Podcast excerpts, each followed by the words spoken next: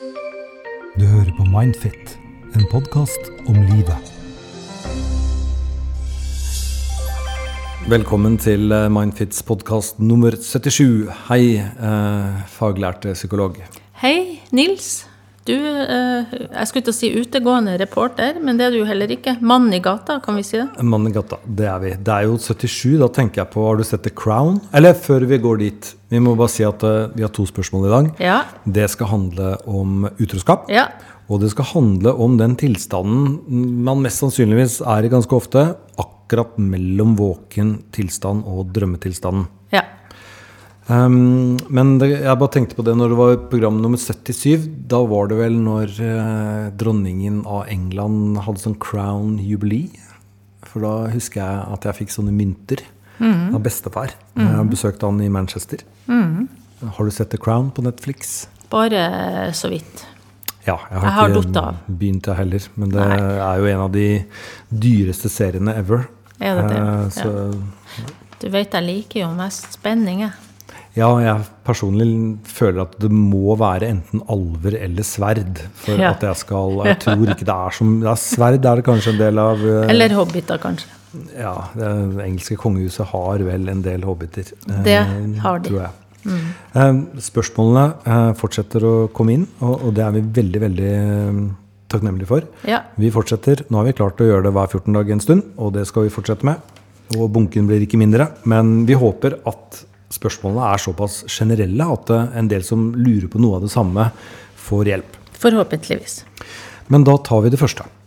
Eh, altså om utroskap. Hei, kjæresten min var utro og holdt dette skjult for meg over en lengre periode. Han fortalte det omsider, og etter mye om og men fant vi ut at vi skulle prøve igjen. Problemet er at jeg slipper ikke taket. Jeg spør og graver fram alle detaljer om igjen og om igjen og om igjen. Jeg klarer ikke å slippe taket, klarer ikke å stoppe tankene, sviket som han har påført meg. Jeg er veldig glad i ham og har veldig lyst til å fremdeles være sammen med ham, men dette utmatter og skaper mye dramatikk og sjalusi og konflikter mellom oss. Jeg har begynt å tenke om jeg har en psykisk lidelse. Har jeg så manglende impulskontroll og ikke klarer å beherske meg? Kan dere hjelpe meg? Ja.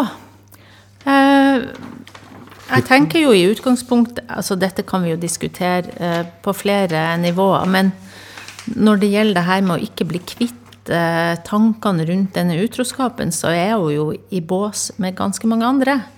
Det er jo ikke sånn etter utroskap at eh, har, altså det er jo forskjeller også på reaksjoner hos den som har utøvd utroskapen, og den som har vært utsatt for det. Og det har jo også noe å si hvordan en sammen som par jobber med det etterpå.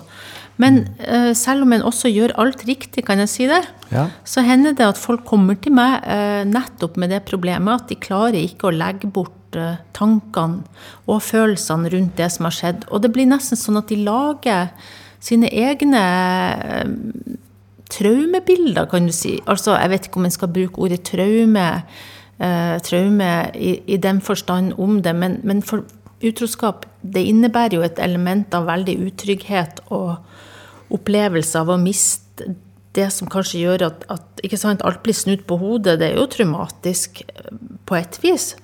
Eh, På mange vis, tenker jeg. Og, og da er det sånn for noen at det er nesten så de lager bilder sjøl, da. Kanskje spør om detaljer og, maner frem etter hvert bilder som kan være veldig emosjonelt ubehagelig å takle, da. Men ehm, eh, vi er vel ikke genetisk uh, satt til uh, å reagere på utroskap? Altså, det er jo en sånn form for kulturell kapital som har gjort det slik at vi eh, er på en måte lært opp til at det er et eh, kjempestort svik, da. Jeg tror det, det er så forskjellig også hva vi går inn i parforhold med. Eh, Sånn at jeg tenker, Noen av oss har jo ikke hatt det så trygt i bånd heller når vi vokste opp. Og og det er klart at da en type utroskap oppå Det er jo noen som forteller meg at det, det her var det aller, aller viktigste for dem. Finne seg noen som var trygg og forutsigbar, sånn at de ikke skal oppleve all den uforutsigbarheten de også er vokst opp med. Og at da blir det ekstra sterkt. Det rammer dem ekstra sterkt. Uh, og så tenker jeg, som du, da, at eh, det er jo kulturelt òg en fordømmelse så klart rundt det med utroskap. Eh, Men jeg tror for veldig mange Det som går igjen, er jo dette uventa sjokket. Mange har ikke sett tegn.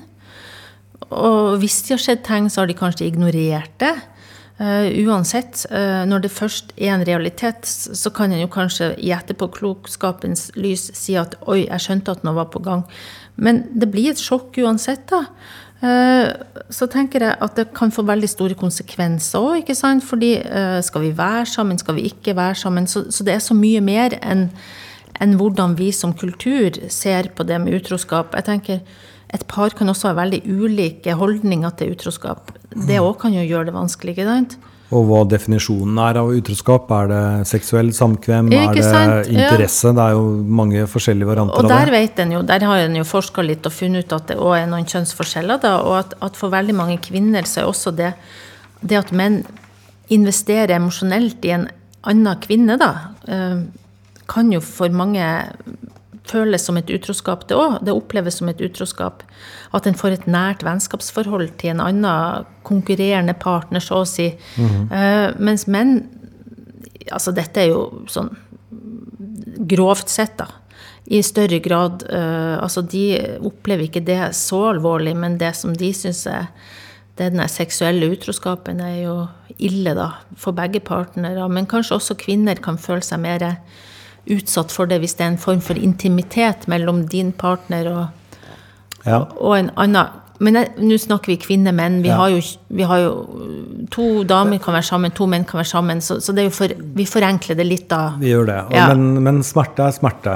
Og, og, hun som har skrevet inn, uh, klarer ikke å bli ferdig med dette her. Altså, man, men sier jo at uh, egentlig så har jeg lyst til at vi skal prøve, men at den liksom den uh, fortidens utroskap den ligger som en mørk ja. sky over det framtidige forholdet. Jeg tror også det er forskjellige ting. Men uh, en vet jo det at, at hvis en uh, oppdager Altså, det er noe med hvordan din partner i etterkant av utroskap også takler at du ikke blir ferdig med det. At du Altså det, du må jo være veldig tålmodig også som den som har vært utro ikke sant, med partneren din. Mm. Eh, og tåle veldig mange runder med det her. Og i tillegg også, så, så handler det jo om hvor, hvor, eh, hvor mye en klarer å opprette Altså komme tilbake igjen til å få et, et mer fortrolig forhold igjen. For det som ofte skjer når mange er utro, er jo at en kan se tegn på det i form av emosjonell, kroppslig, altså seksuell distanse, eller også av og til motsatt, at, at partner overkompenserer. Men det skjer ting i forholdet over tid, hvis dette foregår over tid, som gjør at det også har utvikla seg noe mellom de to som, som en må begynne å reparere på, ikke sant? Mm.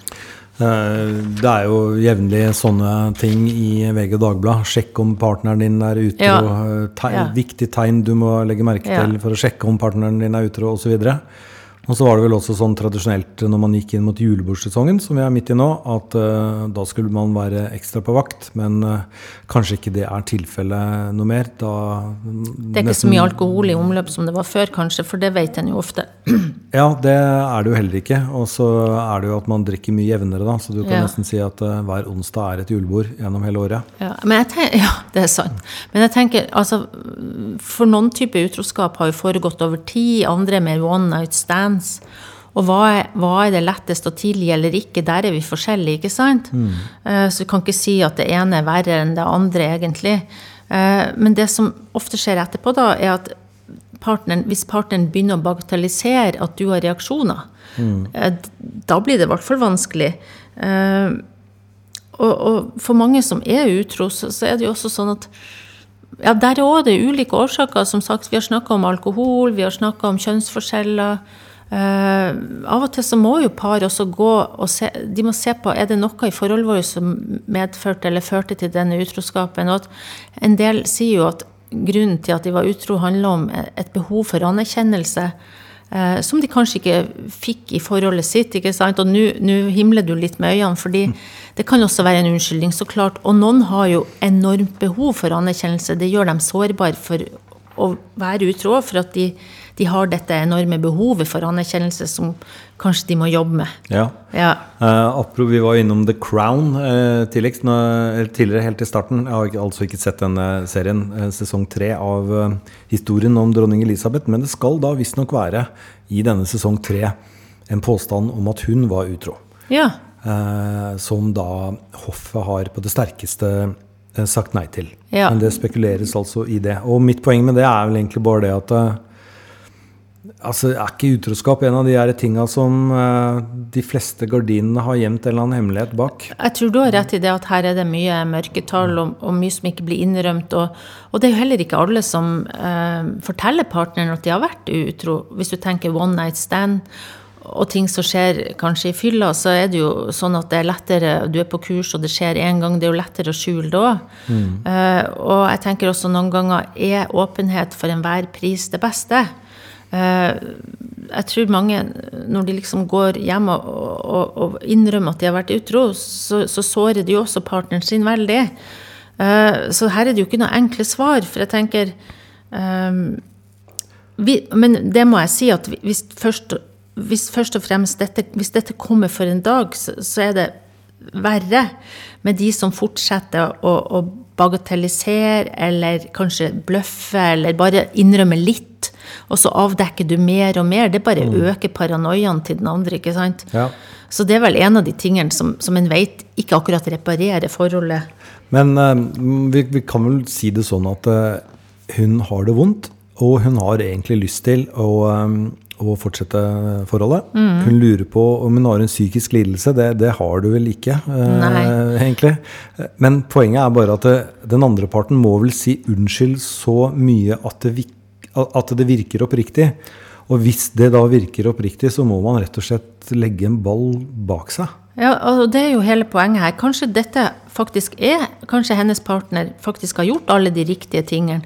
Kanskje hun fremdeles sitter med dette øh, denne, disse bildene og det som plager hun, som kanskje hun må ta og søke seg hjelp for. Jeg tenker familievernkontoret er et ypperlig sted å i hvert fall starte å få den type hjelp.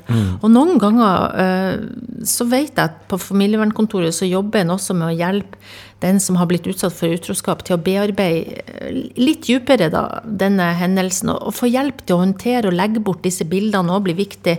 Det kan jo bli som en slags sånn eh, ja, tvangstanker, nærmest. ikke sant? Bilder som du Det kan jo, med andre ord Som, man kan få hjelp til å Ja, slippe tak i. For disse bildene, det er ikke så lett å styre dem alltid. sånn at eh, jeg liksom føler med òg, for det kan godt være at dette har kommet sånn ut av kontroll. at Uansett liksom hvordan en fornuftig sett prøver å hjelpe henne med å legge det bak seg, så, så hjelper det ikke, hvis du skjønner. Det kan være hun trenger profesjonell hjelp til å Ja. få ordna opp i det der. Eh, Da går vi over til spørsmål nummer to. Ja. Um, Da leser jeg. Hei, jeg har opplevd det jeg nå skal fortelle om flere ganger i løpet av de to siste årene, og er redd for at det kan være tegn på større psykologiske problemer som f.eks. schizofrenia.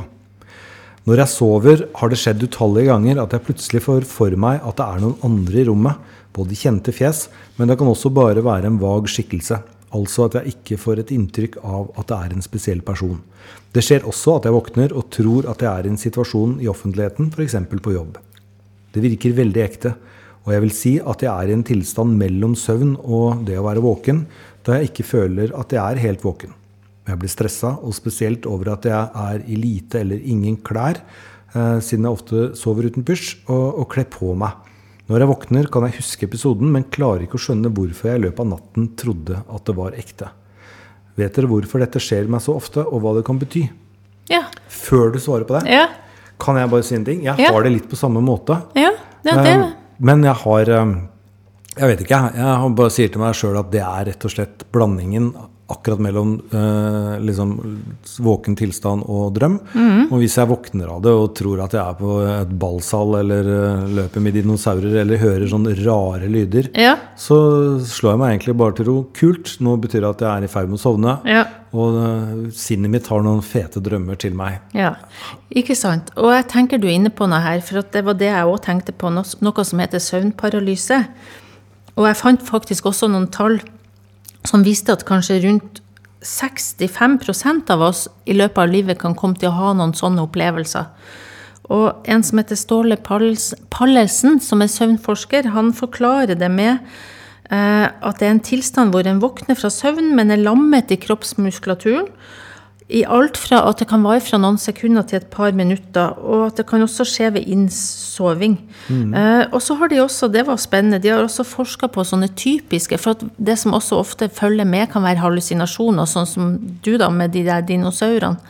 Eh, og så har de funnet ut hva er sånne typiske eh, hallusinasjoner som folk kan ha. Eh, og én er at det er en inntrenger der. Noe annet er at en har en sånn ut-av-kroppen-opplevelse, eller, opplevelse, eller at en svever ja, ut av kroppen.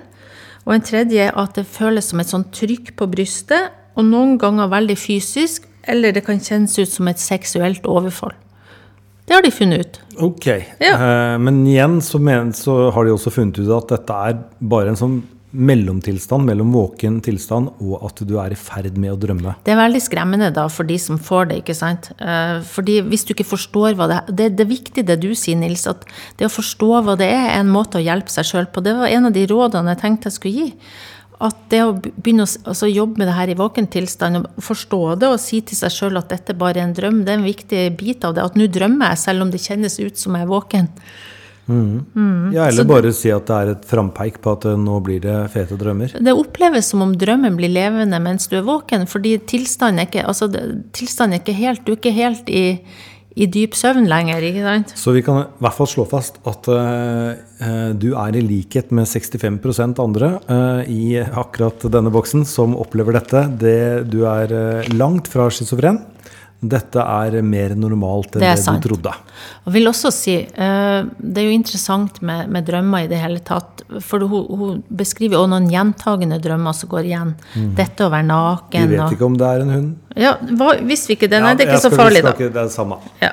Men i hvert fall eh, dette med gjentagelser i søvn, at uh, våkne og jeg lurer på eh, Har ikke klær på seg, er det folk der, ikke sant? Eh, og så tenker jeg av og til det, det her med drømmer, eh, mareritt òg, hvis det gjentar seg, så handler det jo om kanskje stress. Det handler også kanskje om noe som har skjedd deg, som du trenger å bearbeide. Og hvis det står litt i stampe der, så kan du hjelpe deg sjøl med å endre sånn type mareritt.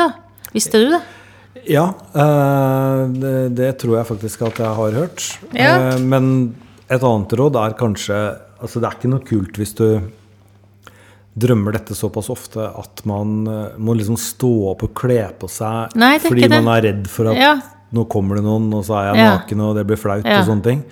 Eh, Da er det, nærmer det seg en sånn mild tvangsting, eh, ville jeg sagt. Nå kom jeg borti mikrofonen, så jeg håper virkelig ikke det jeg ødela lyden her, Nils. Eh, Nei, det gjorde du ikke. Nei. Men er det, er, det, er det et godt råd å bare rett og slett eh, prøve å forstå hva som skjer, og eller glede seg over det? For det er ikke alle som drømmer, eh, Det- og de går jo glipp av mye. Altså, glede seg over det er jo lett, lett hvis det er eh, For noen sier jo det at det er positivt, at det, det de opplever er positivt, men hvis det er veldig mye skrekk i det, så, så handler det om to ting som kan hjelpe deg. Det ene er i våken tilstand å jobbe med det her med å, å in, in, altså, rett og slett instruere til seg sjøl til å si det er bare en drøm.